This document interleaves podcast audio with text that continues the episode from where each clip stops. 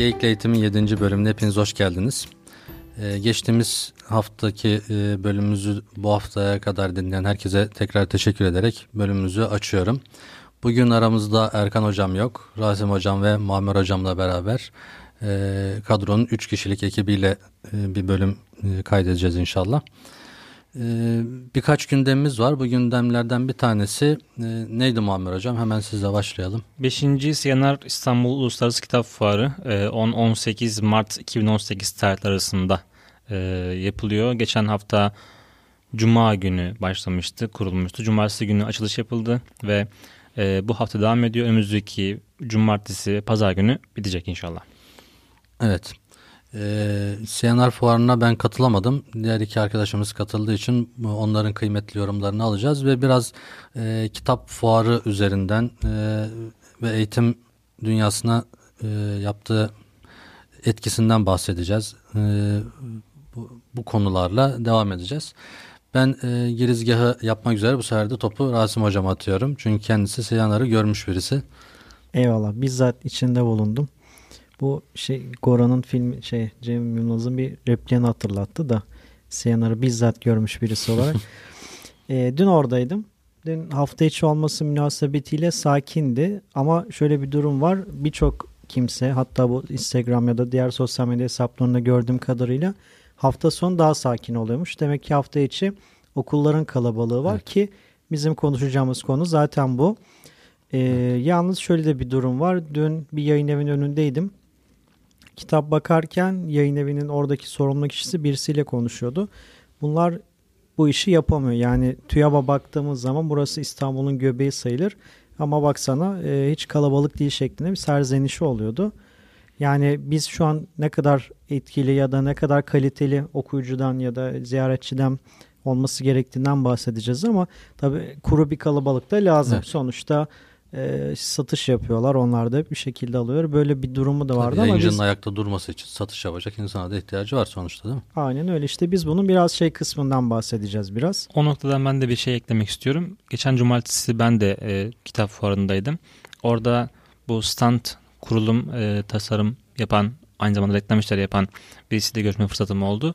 E, kızının bir kitap listesi, listesiyle geldiğini ve şöyle biraz dolaştıktan sonra e, zaten elinde olan herhalde 10-15 kitaplık bir listeden 4-5 tanesinin yayın evinin kitap, kitaplarının burada olmadığından bahsetti.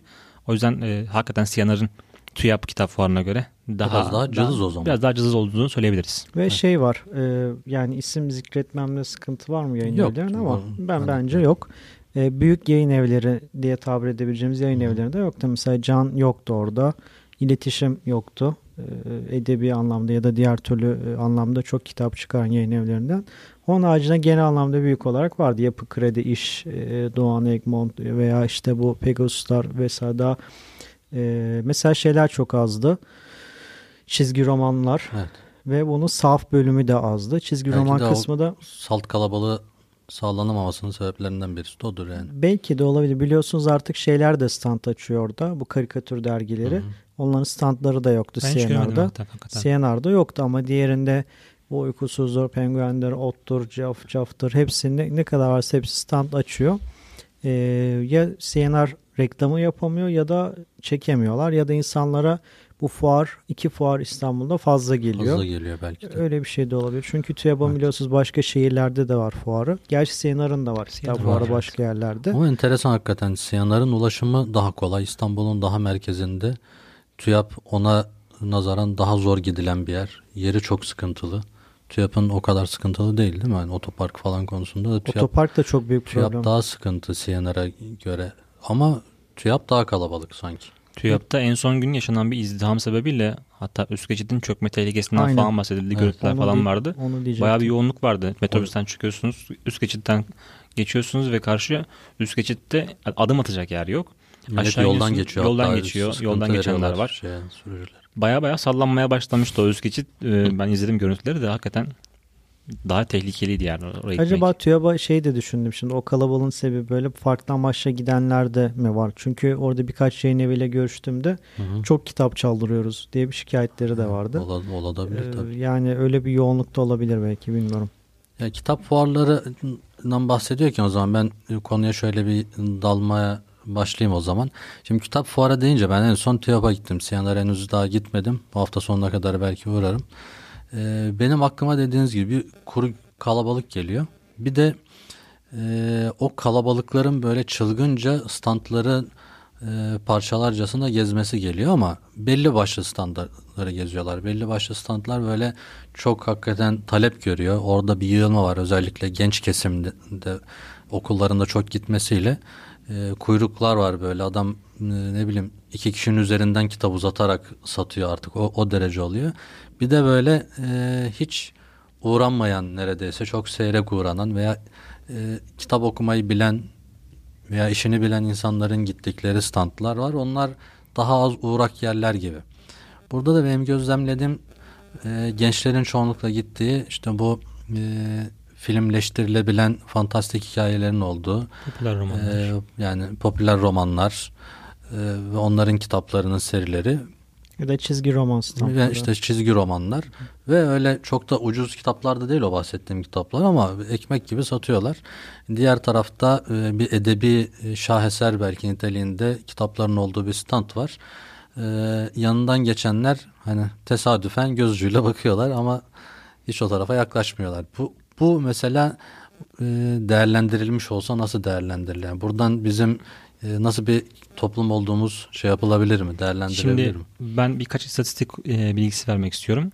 2016 yılında Uluslararası Yayınlar Birliği tarafından e, yapılan bir açıklamada Türkiye'de kitap ihtiyaç listemizde 235. sırada yer almaktaymış.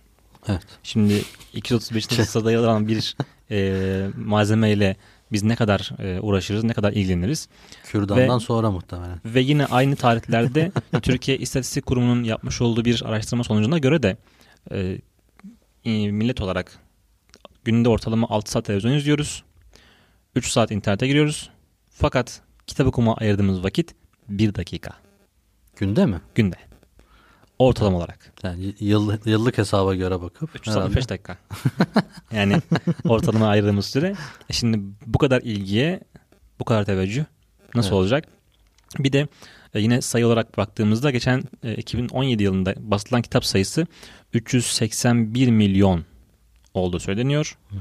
Ve e, o geçen bahsettiğimiz kitap e, fuarına TÜYAP'a katılan kişi sayısı da yaklaşık olarak 742 bin kişi. Evet. Şimdi basılan kitap sayısı 381 milyon. Ee, sadece TÜYAP İstanbul'daki sadece TÜYAP fuarına yapan yapılan ziyaretçi ziyaretçi sayısı 742 bin. Fakat ortalama olarak kitap okuma ayırdığımız süre 1 dakika. dakika. O zaman alıp kenara mı koyuyoruz? Aslında oradaki ya da e, bahsedilen süre... konu Cüneyt Hocam bahsettiği konu da şu ne kadar okuyoruz? Ne kadar okuyoruz? Yani ne kadar okuyoruz zaten biliyoruz aslında. Hani Türk millet olarak artık kendimizi biliyoruz. Çünkü bunun çok fazla haberi yapıldı. Çok fazla radyo programı, televizyon programı yapıldı. Okumayan bir millet olarak artık kendimizi addedik. Bunu da kabullendik gibi sanki. Yani bunun üzerine bir şey bir girişimde de bulunmuyoruz bunu düzeltmekle ilgili.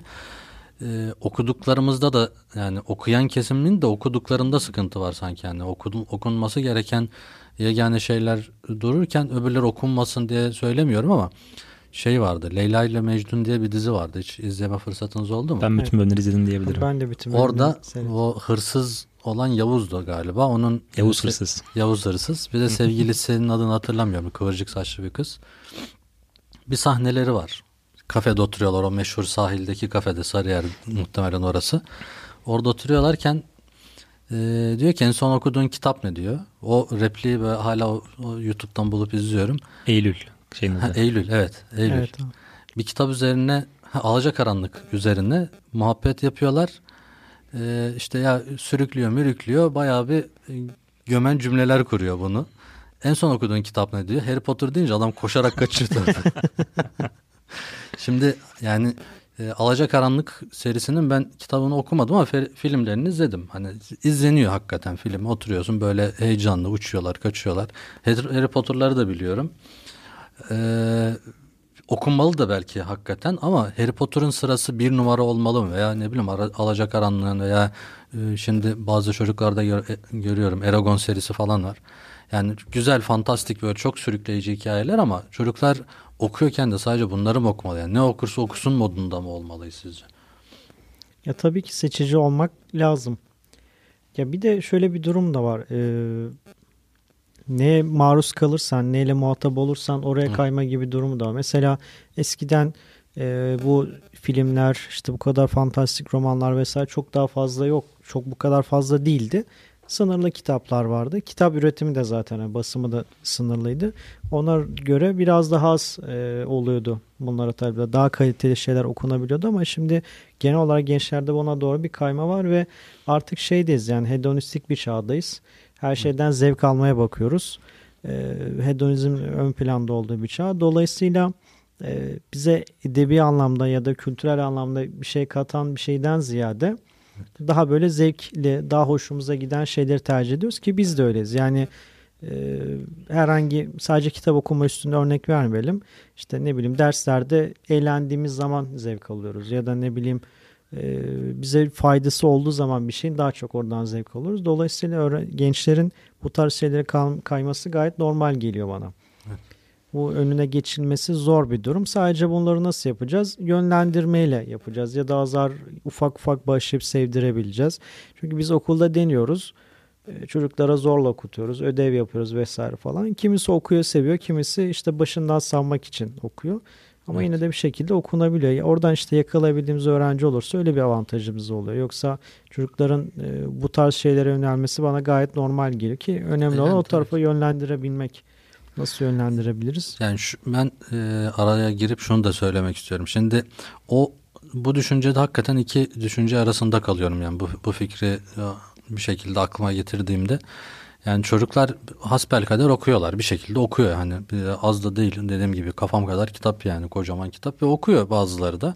Şimdi okusun da hani okuma en azından e, melekesi gelişsin, refleksi gelişsin bir şekilde o özelliğini kaybetmesin diye e, yönlendirmeli veya işte kendisi bir şekilde keşfettiyse bırakmalı mıyız yoksa e, daha böyle okunası şeylere yönlendirmek için kasmalı mıyız düşünüyorum.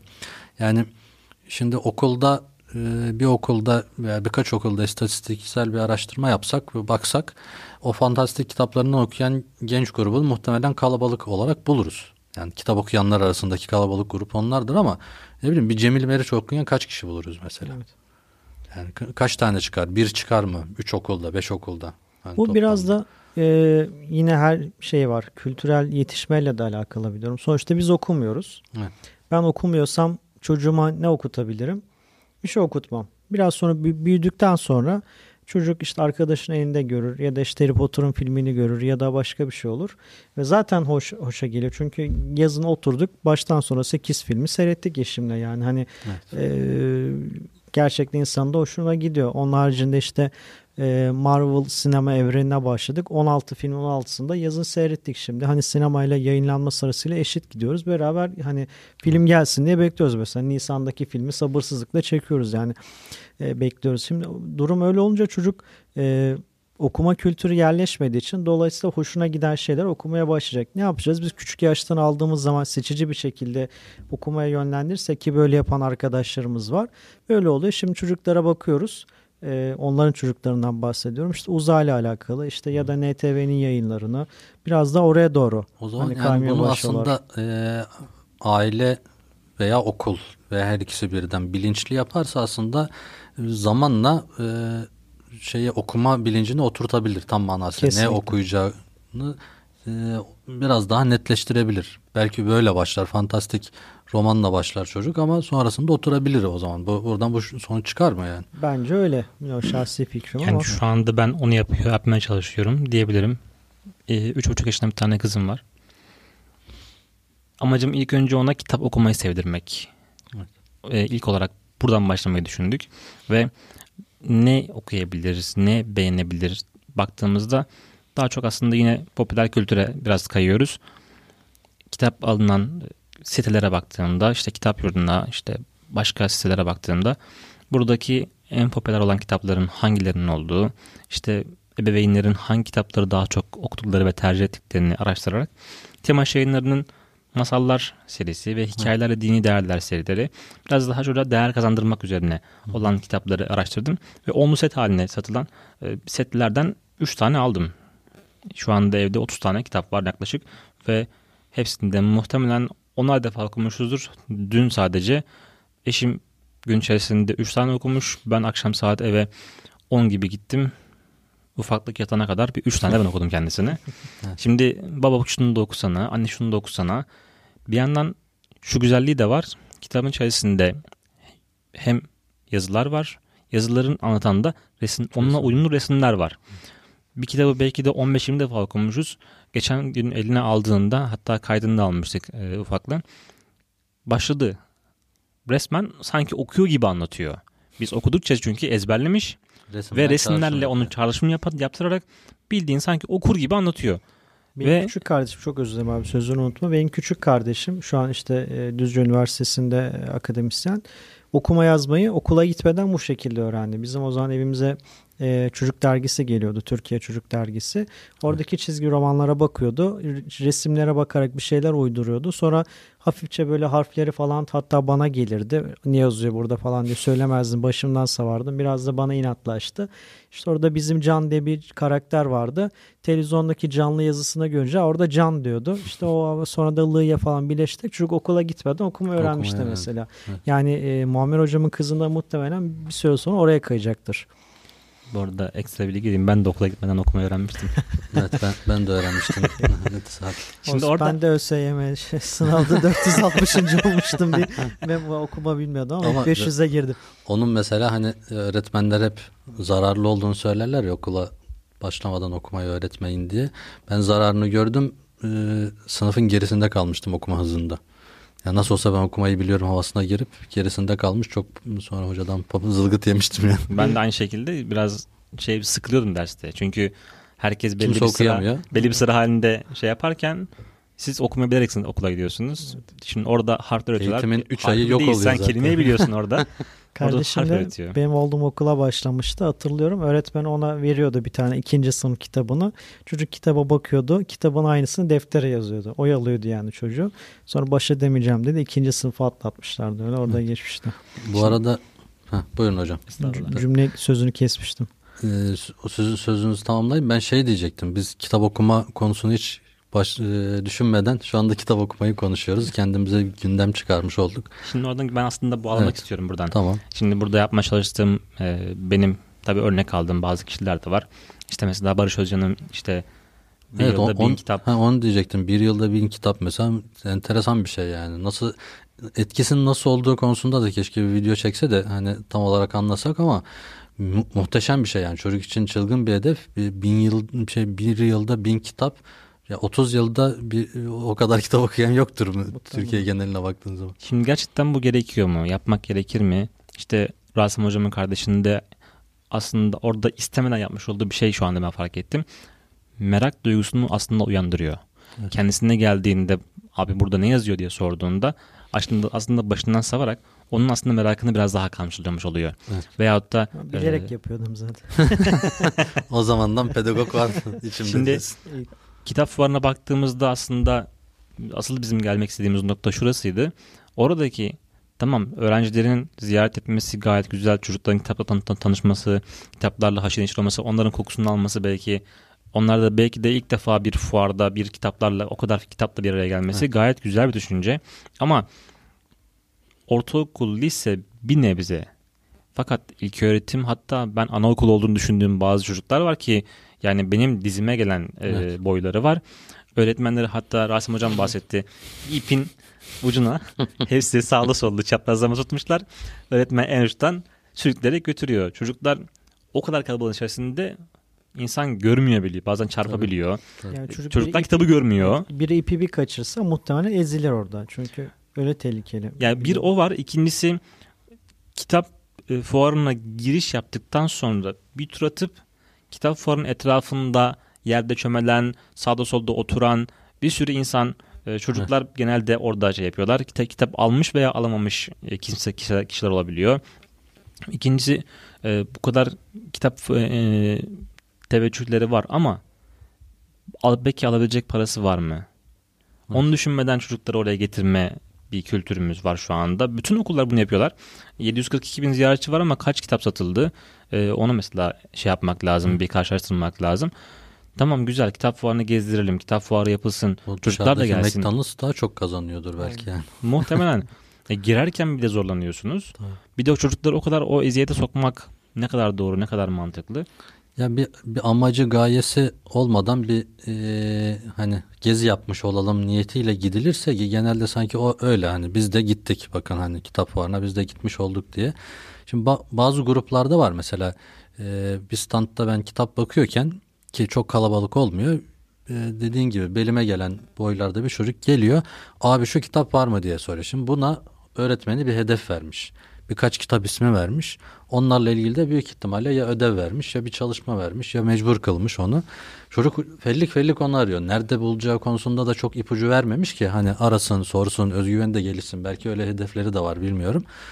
Çocuk e, elinde iki tane de poşet. Onlar da promosyon muhtemelen. Koştura koştura ona gidiyor. Abi bu kitap sizde mi? O diyor ki o burada değildir öbüründedir. Ona gidiyor soruyor. Biraz izledim çocuğu çok hoşuma gitti ama bundan çok az var. Gerisi kuru gürültü dediğin gibi öğretmenin peşinde küçükler, büyükler tamamen dağılmış durumda. İlgisi olan birkaç kişi standlara bakıyor. İşte romanlar bilmem neler çizgi romanlar alıyor. Diğer kesimde hadi kaçalım dışarıya kafede oturalım muhabbet edelim. Ee, arkasına gidelim şeyin e, sigara içelim falan bu tür aktiviteler. Bizim mesela e, yaptığımız aktivitelerde özellikle son sınıflara götürdüğümüzde tek bir salona götürebiliyoruz. Öbür salonlara hiç uğramıyorlar. Niye? Ee, üniversite hazırlık kitapları neredeyse bizim çocuklar orada. Al aşağı ver yukarı kurban pazarı yapar gibi şey yapıyorlar alışveriş yapıyorlar yani. Bir de e, işin fuarın da bir de o tarafı var aslında. Yani bir salon boyunca üniversite hazırlık kitabı var ve tamamıyla e, pazar niyetiyle kurulmuş yani. Hiçbir kitap fuarında e, olması da gerekmez. Onu tezgah açsan o satış gene yaparsın aslında. Fuara gitmeye de gerek yok. Öyle bir tarafı da var mesela. Yani hakikaten bir salon boyunca öyle bir e, bölüm olmalı mı? Çocukların tek okuduğu kitap e, lise seviyesinde onlar oluyor çünkü yani. En azından orada bari karşılaşmasa mı? Veya karşılaşmalı mı bilmiyorum. Karşılaşmaması gerekiyor aslında. Diğer bir e, bahsedeceğimiz nokta da geçen seneki üniversite giriş sınavında Türkçe e, testinden 40 soru çıktı. Evet. Ve Türkiye ortalaması 40 soruda 17,2 idi. Türkçe. Yani dilimiz. Şimdi yani bu kendi şey dilimiz Zaten, hani halbuki e, uzak olanlar e, şey diyebilirler. Orada zaten zar, sıfat vesaire falan soruyor diyebilirler. ÖSYM burada şöyle bir şeye döndü e, sayın dinleyiciler. Radyo programı gibi oldu sayın dinleyiciler deyince.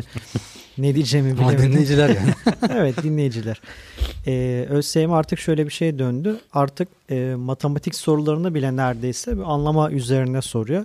Hatta bazı denemeler geliyor elimize. Hiç işlem yapmıyorsunuz. Bir rakam bile yok. Sadece e, yazıyla yapıyor ve 5 ya da 6 tane dil bilgisi sorusu gelirken kalan soruların hepsi paragraf geliyor. Yani öğrenci ne yapacak? Okuyacak, yorumlayacak, cevap olacak. Ve çeldiricileri kuvvetli yapıyor ki okuma seviyesinin ne kadar üstün olduğunu görsün. Ama maalesef işte okuma seviyesi belli bir şeyin altında olduğu için maalesef e, 17 civarında kalması açıkçası normal geliyor. Üzücü bir şekilde normal geliyor. Yani e, bu nasıl olacak? Tabii düz okumayla da olacak bir şey değil. Sonuçta onun paragrafında bir tekniği var ama okuduğu, okuyabildiğiniz zaman sürekli okuyabilen kimse o paragrafları daha rahat okuyacaktır. aslında burada konu başladığımız noktaya gidiyoruz. Popüler kültür okumaları olması mı gerekir mi? İşte tamam onlar da olması gerekir ama bunların yanında başka bir şey yapması gerekir mi noktasında Rasim Hocam çok güzel noktaya değindi.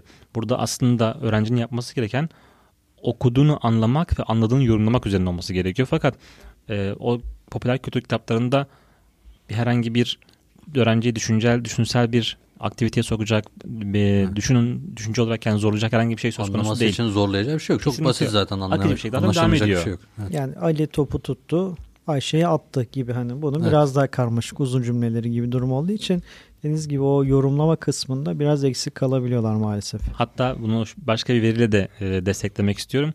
2015 yılında malum PISA, son, PISA sonuçları açıklanmıştı.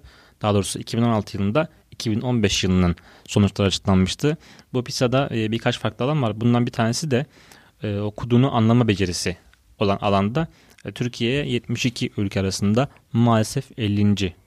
E, olmuştu ve genelde bu e, daha, daha doğrusu genelde derken 3 yılda bir yapılan bu açıklamalardan evet. e, önceki yıllara baktığımızda, önceki 3 yıllık periyotlara baktığımızda Türkiye'nin yavaş yavaş e, aşağı düştüğünü ve şu anda en son durumda da 72 ülke arasında 50. sırada olduğumuzu görüyoruz. Burada kitap sayısı artıyor, basılan kitap, kitap artıyor, satılan kitap artıyor, kitap fuarlarının ziyaretçi sayısı artıyor. Ama anlama, okuduğunu anlama, anladığını yorumlama ve bunu bir beceri halinde sunma maalesef gittikçe düşüyor.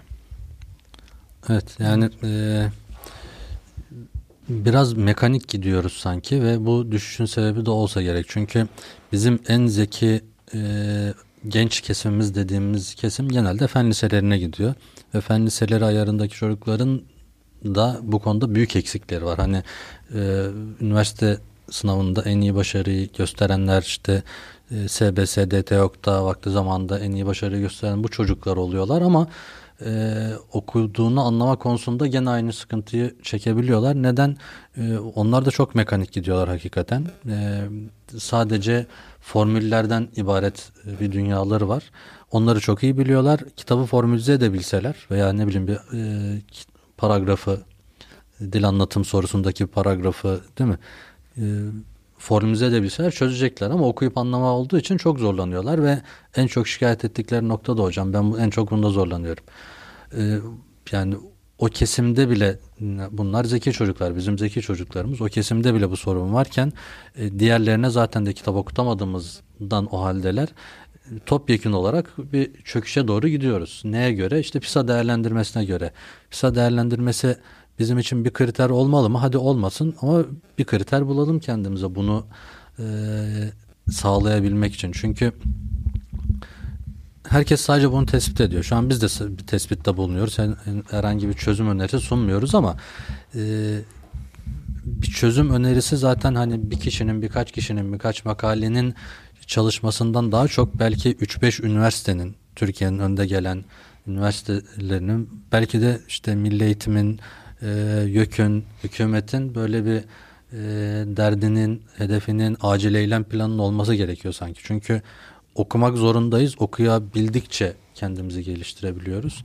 E, insanlar, e, dünya ya insanları hem okuyorlar hem geliştiriyorlar hem tekrar yazıyorlar. Tekrar okuyup tekrar geliştiriyorlar. Yani kendi kendilerini geliştiriyorlar. Biz onların yazdıklarını bile okumaktan aciz durumda kalıyoruz. Burada dil sıkıntısı çıkıyor aslında. Bir başka gündem, bir başka günün gündemi hatta olabilir. Ee, onu da okuyamıyoruz. Kendi yazdıklarımızı da okuyamıyoruz. E, bu sefer ne oluyor? Sürekli geriliyoruz. Gerilemeye gidiyoruz. E, sadece soruları çöz, test sorularını çözebilen, e, formülleri birbirine bağlayıp hızlıca e, sonuçlara ulaşan, A'yı, B'yi, C'yi çok hızlı işaretleyebilen e, robotumsu öğrencilerimiz oluyor. E, gün geliyor, zaman geliyor. Üniversiteye giriyorlar. iyi üniversitede kazanıyorlar ama e, üniversitede iş aslında öyle değil, öyle çalışmıyor. Araştırması lazım, okuması lazım, kitap karıştırması lazım, eski yeniyi bilmesi lazım. Bu sefer ne oluyor? Orada olmuyor yani. Çuvallayıp kalıyor veya üniversiteler de artık bu tür öğrencilerle beslene beslene araştırma merkezlerinden çok e, diploma dağıtan merkezler haline binalar haline geliyorlar sanki biraz daha. Şeylerde hani üniversitenin reklamlarına baktığımızda ki şeylerde devlet üniversiteleri de dahil biliyorsunuz onlar da artık reklam yapmaya başladı. Onlar da bu akademik başarılarından ziyade afişlerine baktığınızda çimenlerde oturan gençler. Evet. İşte bahar şenliklerini ne kadar dolu geçtiğiyle alakalı şeyler oluyor. Şimdi öğrencilerle hani üniversiteye geçtikleri zaman sıkıntı yaşıyorlar dedin ya hocam. Ee, öğrenci artık belli bir yerden sonra nasıl davran, ne yapması gerektiğini bilemiyor. Evet. Yani e, işte CNR Kitap Fuarı İstanbul'un merkezinde dedik.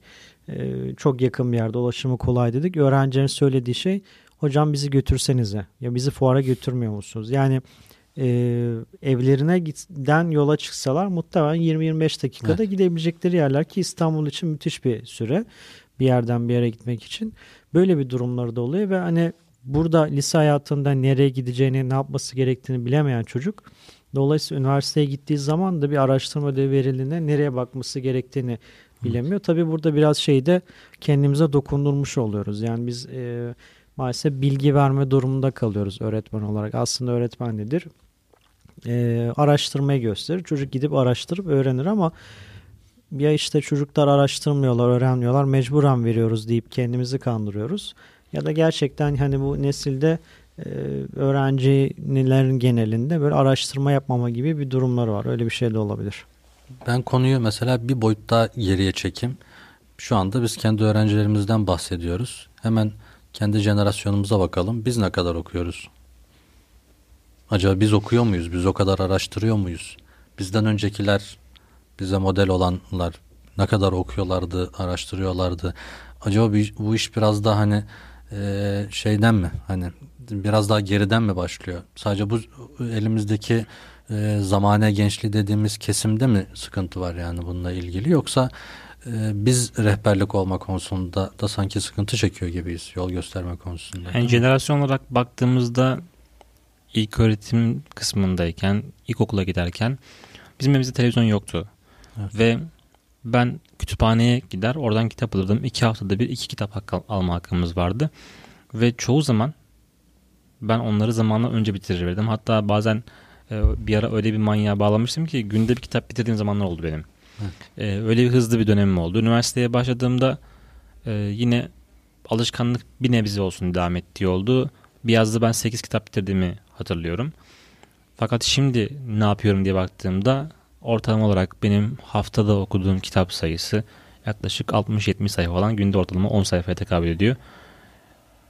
Öğrencilerin öğrencilerimizin ne kadar yaptığına baktığımızda e, maalesef onlar da belli bir sadece son sınıflarla şu an ilgilendiğim için onlar da okuyorlar ama okudukları da mecburen test çözmeye yönelik bir okuma oluyor. Tabii. Şimdi burada Seyyid Abdülhakim Erbasi Medres Medresetül Mütehassisin kendisidir. Ee, İslam Süleymaniye Medresesi tasavvuf e, kürsüsü alimi. E, onun bahsettiği bir şey var. Bir şeyi iyi yapmak çok yapmakla mümkün olur. Şimdi öğrencilerin okuma alışkanlığı edinmesi, öğrencilerin okuduğunu anlayabilmesinden bahsediyoruz. Biraz da sanki e, günümüzün getirmiş olduğu şey de var. Çabuk elde edeyim, hemen kavuşayım. Fakat bunu elde etmek için de uzun süre kitap okuması, günlerce kitap okuması, e, ona bir zaman ayırması ve bunu sürekli olarak yapması gerekiyor ama maalesef biraz çabuk tez canlılık da mevcut şu andaki öğrencilerde. Hemen elde edeyim, hemen kavuşayım, kısa yoldan zengin olayım anlayışına doğru evet. giden bir aslında süreç mevcut. Tabii yaşadığı hayat da öyle yani yaşadığımız şu andaki hayatımız da öyle sanki. Her her şeyle daha da hızlanıyoruz ya hani daha da hızlanmaya çalışıyoruz. İşte geçen hafta geçen hafta mı konuşmuştuk teknoloji hayatımızı çok daha hızlandırıyor ama bazen de yavaşlatmasına da sebep oluyor bu hız e, aynı zamanda. E, onun getirmiş olduğu da bir sonuç aslında bu biraz yani o her şeye hızlı ulaşınca e, buna da hızlı ulaşım, bilgiye de hızlı ulaşım aslında e, kitap içerisindeki bilgilere ulaşmakta e, eskiye göre daha e, bir şey var, kolaylık var. E, ama e, daha da geriliyoruz yani. Bu bu hızın olmasına rağmen daha bu kadar hızlı ulaşıp daha hızlı geliştirmemiz gerekmez mi yani? Es, bilim nasıl gelişiyor? Önceki araştırmaları taban alıp onların üzerine bir çalışma yapıp yenisini üretiyor. Şimdi eskiden insanların kütüphanelerde aylarca vakit geçirmesi gerekiyor. Hatta o kütüphaneye ulaşmak için belki haftalarca yol kat etmesi gerekiyordu. E şimdi bilgisayarın başına oturuyoruz, Google'a yazıyoruz, karşımıza çıkıyor.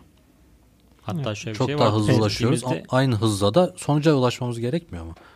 Ya işte Ama şey oldu. Daha da yavaş artık yani. Dediğin gibi e, nesil her şeyin çok çabuk olmasını istiyor. Yani mesela eskiden söylerdi 40 dakikalık dersin öğrenci en fazla 20 dakikasını dinlerdi. Şimdi evet.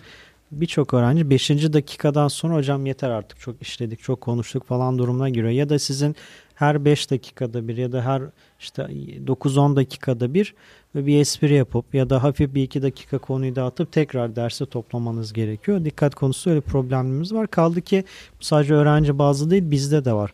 Birçok konuda daha sabırsızız. Yani trafikte sabırsızız ya da bir yere gitmek için sabırsızız ya da işte ya ne bileyim şu an aklıma başka gelmiyor ama e, genel anlamda bizde de var bu. Hani teknolojinin hızlanmasıyla da alakalı bir durum olabilir dediğin gibi. O, o tespit mesela e, işte 20 bizde 27 dakika demişti hoca. Yani 40 dakikalık dersin maksimum süresi 27 dakikadır diye eğitim e, bilimleri dersinde e, en fazla 27 dakika bir öğrencisi pür dikkat dinler. Sonra dikkati dağılmaya başlar. O arada bir es vermeniz veya bir ara gazı vermeniz lazım. Bir şaka yapın, espri yapın, öğrencileri toplayın, dersi bitirin gibi bir şey söylemişti. Şimdi e, öğrenci profili değişiyor diyoruz. Öğretmen profili bile değişiyor çünkü yeni nesil öğrenciler öğretmen oluyorlar. O da değişiyor. Değişmeyen tek şey var 40 dakikalık dersler ee, ve e, şeyler yani anlatım yöntemleri müfredatlar aslında dönüp dolaşırken aynı noktaya geldik. Yani 40 dakikalık ders hiç değişmedi. Yıllardır 40 dakikalık ders ama e, öğrenciler değişti. O zaman öğretmen kendini güncelleyecek, müfredat kendini güncelleyecek, sistem kendini güncelleyecek. Ona da ayak uydurmamız lazım. Şimdi öğrenciyi de eskiye uydurmamız zor. Hani biz eskiden günlerce kitap okurduk. Yani bunu sağlamak daha zor. Elindeki tüm imkanları ortadan kaldırırsan mecbur kalır. Diğer türlü diyecek ki hocam ben Google'dan buluyorum. Niye kitap okuyayım? Evet. Şimdi şimdi de o tarafı var. Diyeceksin ki şu bilgiye ulaşmak için ansiklopedileri karıştırman lazım. Eskiden hepimizin evinde ansiklopedi vardı mesela. Bu var mı şu andaki neslin evinde veya şu an sizin evinizde var mı? Evden Bizde 20 cilt ansiklopedi vardı babamın evinde. Ve ben ödevlerimin yarısını hep oradan yapardım. İşte şimdi, de kütüphane ederdik işte. işte heh, şimdi, ama şimdi ansiklopedi yok. E, gazeteler verirdi mesela hani kuponlarla işte Laruslar bilmem neler. Yok gerek de yok çünkü. İhtiyaç yani Wikipedia yani en büyük çünkü ansiklopedi. Evet, şu an kapalı ama. Şu an yani e, ulaşılabiliyor. bir şekilde ulaşıyoruz. İşte geçen bir akrabamız dedim. Çocuk dördüncü sınıfa gidiyor. Ee, işte atasözü ödevi varmış öğretmeni. Sütten ağzı yanan yoğurdu üfleyerek yer. Ee, çocuk hani biliyor musun atasözünün anlamı falan dedim. Yok bilmiyorum dedi. Ne yapacaksın dedim. Tableti vardı açtı. Yazdı cümleyi. Ondan sonra bir sürü seçenek çıktı. İçinden birini açtı. Anlamını yazdı. Öğrendi öğrenmedi bilmiyorum ama anlamını yazmış oldu. Ödevini bir şekilde yapmış oldu. Yani e, dediğin gibi o herhangi bir ansiklopediye şu an öyle bir ihtiyacımız yok. Belki Almadan. de aslında bu çabuk kazanmak mı aslında bilgi değersizleştirdi? Eskiden hep şöyle denirdi işte bir şeye bir kere de sahip olursan işte, işte miras kaldı ya da bir e, helal olmayan bir yoldan bir kazanç elde ettin. Birden eline çok yüksek bir para geldi. Meblağ kazandın. İşte milli piyangodan para tuttun. Hatta takvim yaprağın arkasında şey vardı. Milli piyango kazananların akıbetleri diye. İşte yani tutturanların hiçbirisi iflah olmamış. Bir şekilde karısından boşanmış, işini kaybetmiş, intihar etmiş. Yani böyle garip acayip haller. Parayı ne kadar çabuk kazanırsan o kadar elinden çabuk çıkar. Onun kıymetini bilemezsin derlerdi. Şu anda da aslında bilgiye ulaşmak da bu kadar çok basit ve kolay oldu. Anında işte tabletten yazıyorsun bir sürü karşına bilgi çıkıyor. Ama hangisinin gerçekten doğru olduğu meçhul. Onu nasıl bileceksin, onu nasıl bulacaksın? Biraz da aslında bu, bu mu e, bilgiyi değersizleştirdi? Yani bir mesela ETZ'de şöyle bir panele katıldığımda şöyle bir konuşma geçmişti. Bu zamana kadar e, tüm gelişimler, teknolojik gelişimler ve araştırmalar aslında bilgiye ulaşmak için yöntemler de geliştiriyorlardı. Bilgiye ulaşmak zordu. Onu e, onunla uğraşıyorduk. E, ama artık teknoloji ne, öyle bir seviyeye geldi ki artık bilgiye ulaşma konusunda bir sıkıntı yok. E, o yüzden eğitim sisteminin işte kendini güncellemesi gereken noktası da bu. Artık e, bilgiyi satmaya da gerek yok. O yüzden pazarlayamıyor öğretmen. O yüzden aslında biraz e, eli kolu bağlı duruma geldi sınıflarda. E şu an mesela öğrenci ne yapıyor? Dersi niye dinlemiyorsa akşam ben Tonguç Akademi'den dinlerim e, hocam. E tabii diye bilgiye ulaşmak yapıyor. kolay çünkü Tonguç Akademi'den dinliyor dediğiniz gibi. Daha e, alt seviyelere de gelin hani lise seviyesindeki bilgilerin hepsine zaten bir şekilde ulaşabilirsin her türlü e, daha alt seviyelerde okuma yazmayı öğreten bile sistemler var. Hadi e, ilkokul 4-5'e kadar idare edebilirsin. Ondan sonra e, iş yavaş yavaş elinden kaymaya başlıyor. Çünkü bilgiyi satmaya doğru geldikçe e, okul şöyle yani bir seviyeye kadar kaçıncı sınıfa kadar tam tahmin edemiyorum ama bir seviyeye kadar bazı özellikler kazandırmak, meleke geliştirmek, işte okuma yazma öğretmek gibi mesela veya matematik hesabında algoritmik kısmen matematiksel düşünmeyi sağlamak bunlar bir hocayla olabilecek ve bir davranış kazandıran şeyler. Bir noktadan sonra bilgi satmaya başlıyorsun sadece. Elinde sadece o kalıyor çünkü sınavlar hazırlıyorsun çocuğu. E çocuk da bilgiye ulaşma konusunda bir sıkıntı çekmiyor. Öğretmen de işsiz kalıyor. He, e, öğretmenin anlatım yöntemiyle kitaptan okuması veya videodan izlemesi arasında muhakkak fark var mı? Var ama e, bu da son çırpınışlar yani. Aynı öğretmen çünkü tahtanın karşısına ya işte kameranın karşısına geçiyor. Aynı öğretmenden dersi dinlemiş oluyor ve istediği zaman durdurabiliyor. Hani evet. öğretmen e, niye ayağa kalktığını da sorgulamıyor. Niye tuvalete gittiğini de sorgulamıyor. Su içme de demiyor. Aynı hoca çünkü durduruyor. Duruyor hoca orada onu bekliyor. E, o panelde hocamın adını unuttum. Şunu diyordu artık öğretmen hani hep söyleniyordu zaten kitaplarda yıllardır yazıyoruz öğretmen rehber olması lazım artık diye ama hakikaten artık rehber olması lazım. Ama öğretmen e, nasıl rehber olacağını bilmiyor. Bir de o sıkıntı var sanki yani rehber olacak. Mesela bir kimya hocası rehber olsun hadi. Ne, ne, ne yapacak yani? Şimdi formül anlatmayayım mı diyecek adam. Veya periyodik evet. cetvelden bahsetmeyeyim mi? Nasıl rehber olayım ben? O zaman o öğretmenin aldığı eğitimden farklı bir eğitim alarak rehber olmayı da öğrenmesi lazım. Rehber olmak ne demek? Kimyayı uygulamalı öğretecek ki öğrenci zaten bilgiyi alıp gelecek. O da onu yerleştirmek için çalışmalar yapacak. Deneyler bilmem neler bir şeyler yapacak. Orada rehber olacak. Çünkü o iki bileşeni birleştirmeyi bilmiyor çocuk. Eline yüzüne bulaştırabilir. Orada bir sıkıntı yaşayabilir. Ee, burada rehber olacak ama bunu hocanın da biliyor olması lazım. İşte orada demek ki artık güncellenmemiz gerekiyor. İşte dönüp dolaşıp biraz sanki buraya geliyor. Bu şeyle Geçen de. bahsettiğimiz bir konu vardı. Hem robotlar öğretmenin yerini alır mı ile ilgili yaptığımız bir paylaşımda aynı zamanda. İşte teknoloji işte öğretmenin yerini alır mı alamaz mı? Ee, bu konuda bir şey yapamamıştık. Bir fikir birliğine varamamıştık ama evet. e, herhalde şu bahsettiklerimize göre netleşen bir durum var. Teknolojiyi nasıl kullanmak gerektiği ile ilgili fikir sahibi olmayan öğretmen maalesef yavaş yavaş diğer tarafından Tabii. sanki yeri kaptırılacak gibi gözüküyor. Yani bu, bu bunun bir bu modelin bir adı da var aslında. Hani e, böyle söyleyince çok artistik de oluyor böyle broşürlere yazınca. Philip Classroom herkes evet. duymuştur. Philip Classroom bir zamanlar çok meşhurdu. E, bir anda tüm okulların afişlerinde yer almıştı. Şimdi yavaş yavaş e, uygulamaya geçirenler kullanmaya devam ediyorlar. Uygulamaya geçirmeyenler de unuttular. Ama Philip Classroom e, da bundan bahsediyordu kısmen. Yani çocuk zaten bilgiye ulaşabiliyor. Ben onu bilgiyi anlatarak zamanını kaybettirmeyeyim. E, ulaşsın gelsin. E, anlayamadığı, kavrayamadığı noktada ben yardımcı olayım ona. Ama bu sefer e, 12 yıllık eğitim olsun mu yani Philip Classroom olunca 12 yıllık eğitime gerek var mı? Çocuk bilgiye ulaşsın.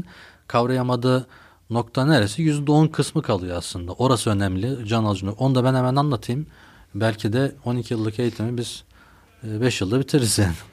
Peki bir sonraki veya daha sonraki konumuz Flip Classroom olarak e, ele alabiliriz. Aslında olabilir evet. Bunu Olur. listeye yazalım. E, bugün kitap kitaptan bahsettik. Fuar, kitap fuarından bahsettik aslında. E, buradan bir anda kitaba geçtik. Bununla ilgili ee, en son bir video ile ilgili bir başlık not almıştım. Onu da söyleyeyim. Bu konuyla ilgili. Çünkü tekrar kitap okumayla ilgili bir gündem konuşur muyuz bilmiyorum. Ama o tam yeri geldiği için bir kitap okudum hayatım değişti diye bir TEDx konuşması vardı. Ee, aynı bu ifadeyi yazarak e, YouTube'da aranırsa veya TEDx'in sitesinde TED, TED'in sitesinde aranırsa bulunur diye düşünüyorum. Çok etkileyici bir hikaye ne anlamda? Bir başarı hikayesi yani. Kendisinde herhangi bir gelecek görmeyen kişinin bir anda bir azimle bir kitap yüzünden ki kitabın içeriğiyle alakası yok yaptığı işin bu arada. E, kuzeninin kitap yazmasından gaza geliyor sadece. E, ama e, enteresan açılımlar yapıyor kendisine. Güzel bir konuşmaydı. Kitabın e, artık yazılan kitapların veya yazan kişilerin böyle bir etkisi olması lazım sanki. Yani e, bilgi satmaktan ziyade e, işte nasıl öğretmen rehber olacaksa kitabında okuyan kişiye yol gösterici bir tarafı olması lazım ki insanlar ona veya gençler onlara yavaş yavaş yönelsinler. E, bunu tabi bu yöntemle satmak çok mantıklı değil ama hani Muammer Hocam dedi ya hızlı zengin olmaya e, hedefli bir gençliğimiz var diye. En azından bu hedefi bu şekilde anlamlaştırabiliriz, anlamlı kullanabiliriz e, bahsettiğim mesela TEDx konuşmasında kişi tamamen işte iş hayatındaki başarısından bahsediyor kitabı örnek göstererek. Yani bu bile bir e, gençlerin kitap okumasına etkili olabilir. Acaba hangi kitap okursam ben de zengin olacak fikrini bir şekilde aşılarsak Ee, oradan bulana... da kitap okutabiliriz yani en azından kültürel bir gelişmeye de sebep olabiliriz. O kitabı bulana kadar bir sürü kitap okumuş olur. Evet. Dolayısıyla zengin olmazsa da kitap okumuş olur nasip. En azından kitap okumuş olur evet. Bizim hedefimiz o olsun da zengin olursa da Allah bereket versin. Ee, bugün yavaş yavaş ne yapalım toparlayalım mı? Şimdi e, üç, üçüncü yayın bu. Üç, üç yayındır bir konseptimiz vardı. O konsept gereği bugün neden bahsediyoruz Muammer Hocam? Siz bir şey demiştiniz ondan bahsedelim. Yani kitaptan girdik. İsterseniz kitaptan devam edelim. Ee, benim sürekli kullandığım ve uzun zamandır kullandığım vazgeçemediğim programdan bir tanesinden bahsedeceğim ben. Cam Scanner e, uygulaması var. Fotoğraftan PDF'e çevirme programı olarak kullanıyorum ben çoğu zaman. E, özellikle birisi sizden bir belge istediğinde e, bunu PDF olarak, belge olarak hem gönderebilmek hem de çıktı alabilmek açısından çok güzel e, kullanış imkanı sunuyor. Bunu nasıl kullanıyorsunuz? E, bu programı yükledikten sonra Android veya da iOS platformundan e, indirilebilir. Daha sonrasında fotoğraf çeker gibi e, fotoğrafını çekiyorsunuz ve daha sonra sizden hiç değişiklik yapmadan veya e, düşük geliştirme veya da yüksek geliştirme modunu kullanarak biraz daha yüksek geliştirme modu biraz daha bunun e, şeye yakın hali. Biraz daha gerçek bir belgeye yakın halinize sunuyor. O belgeyi de ister PDF isterse isterseniz de e, JPEG yani resim formatında paylaşabiliyorsunuz. Hatta benim en çok kullandığım e, öğretmenlerin de daha çok işine yarayabilecek e, versiyonu ya da özelliği şu diyebiliriz. Toplu çekim modu var bunun. Yani özellikle öğretmen yeni teknolojiyle birlikte bunu sınıfta aktarmak isteyebilir. Kendi kitabından veya notlarından onu tahtada göstermek isteyebilir. Çok basit e, yine aynı şekilde toplu çekim modunda arka arkaya siz birden fazla sayfayı çektiğinizde onları ufak düzenlemeler sonucunda aynı formatta işleyip bir e, arka arkaya sayfaları okutup kendinizi mailinize gönderip direkt bilgisayarınızdan açıp veya telefonunuzdan açıp ekrana yansıtıp oradan da üzerinde hemen işlem yapabilirsiniz, kullanabilirsiniz. Ve hatta e, okuduğunuz bir parça denk geldi bir yerden e, onu anında veremediniz ve hatta şey yapmanız mümkün değil. Çekip onu da öğrencilere gönderdiğinizde gençler bunu okuyabilirsiniz diye mail ortamında paylaşıp onu da aynı şekilde kullanılabilir. Tabi paylaşım olarak e, depolama olarak çok fazla şeyi yok. E, kendi alanı fakat bazı özelliklerle size ekstra bulut imkanları sunuyor. İşte çeşitli sosyal medya platformlarında kendisi uygulamasını paylaştığınızda size işte 100 MB, artı 100 MB, başka arkadaşınızı davet ettiğinizde hepsi artı 100 MB daha veriyor. Tabi Pro versiyonu eğer almak isterseniz onu da alabilirsiniz. Ama e, onun da aylık ücreti 4.99 yıllık olarak da 49.99 ücreti var. Onda da biraz daha daha fazla depolama yani imkanı sunuyor. kullanan kişi için aslında Yet, mantıklı gerekli mi?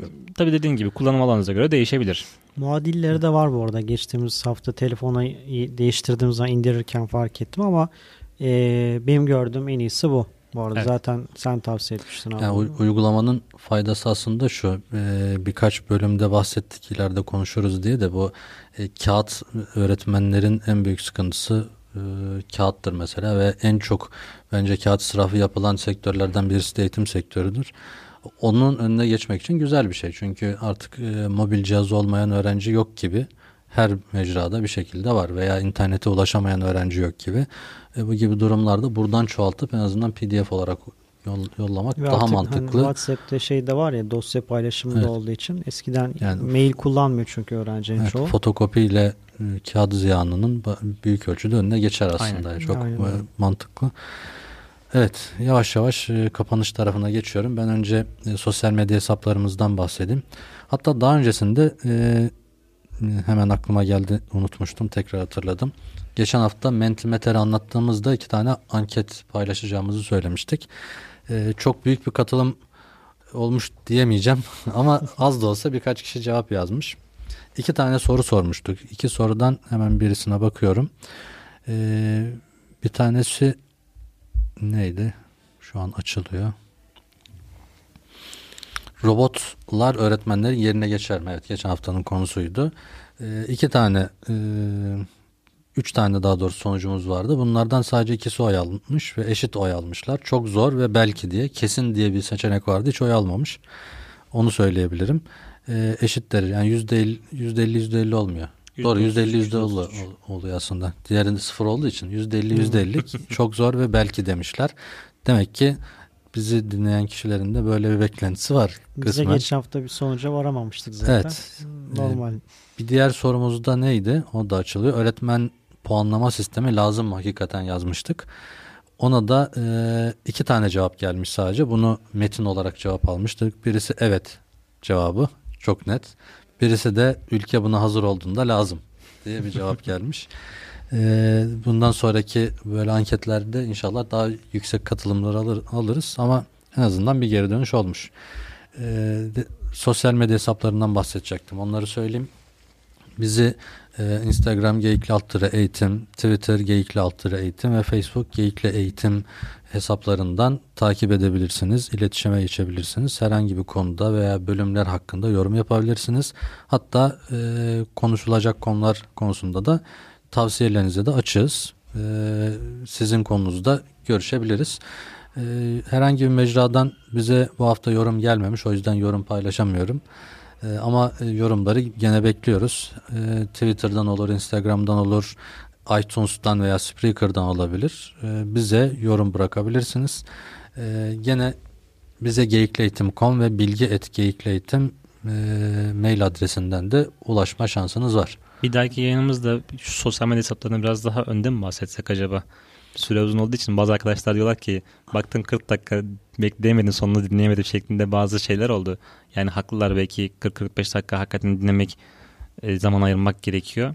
O yüzden bir sonraki belki programların başında programı açtıktan sonra sosyal medya hesaplarımız bunlardır deyip belki bahsetmek biraz daha aktiviteyi O- Onu aktivite montajda hallederiz. Ben o, o kez. Ee, ama doğru. Ba- başında bahsedecektim de e, başlayamadık biliyorsunuz. Dördüncü kez de giriş yaptık. O kısmı çok konuşmayalım. Geyikle eğitim, geyikle eğitim diye e, bir türlü başlangıç cümlesini bulamayınca bulduğum cümleden devam ettim. Bir kere de girişimci muhabbeti diye başlamıştım değil mi? Neyse ki onu Bunu da geçeceğiz herhalde. Neyse yok kesmeyelim doğal olsun. Evet bizi e, dinlediğiniz için teşekkür ediyoruz. Bir sonraki bölümde görüşmek üzere. Herkese hayırlı haftalar diliyoruz. Görüşürüz. Görüşmek üzere.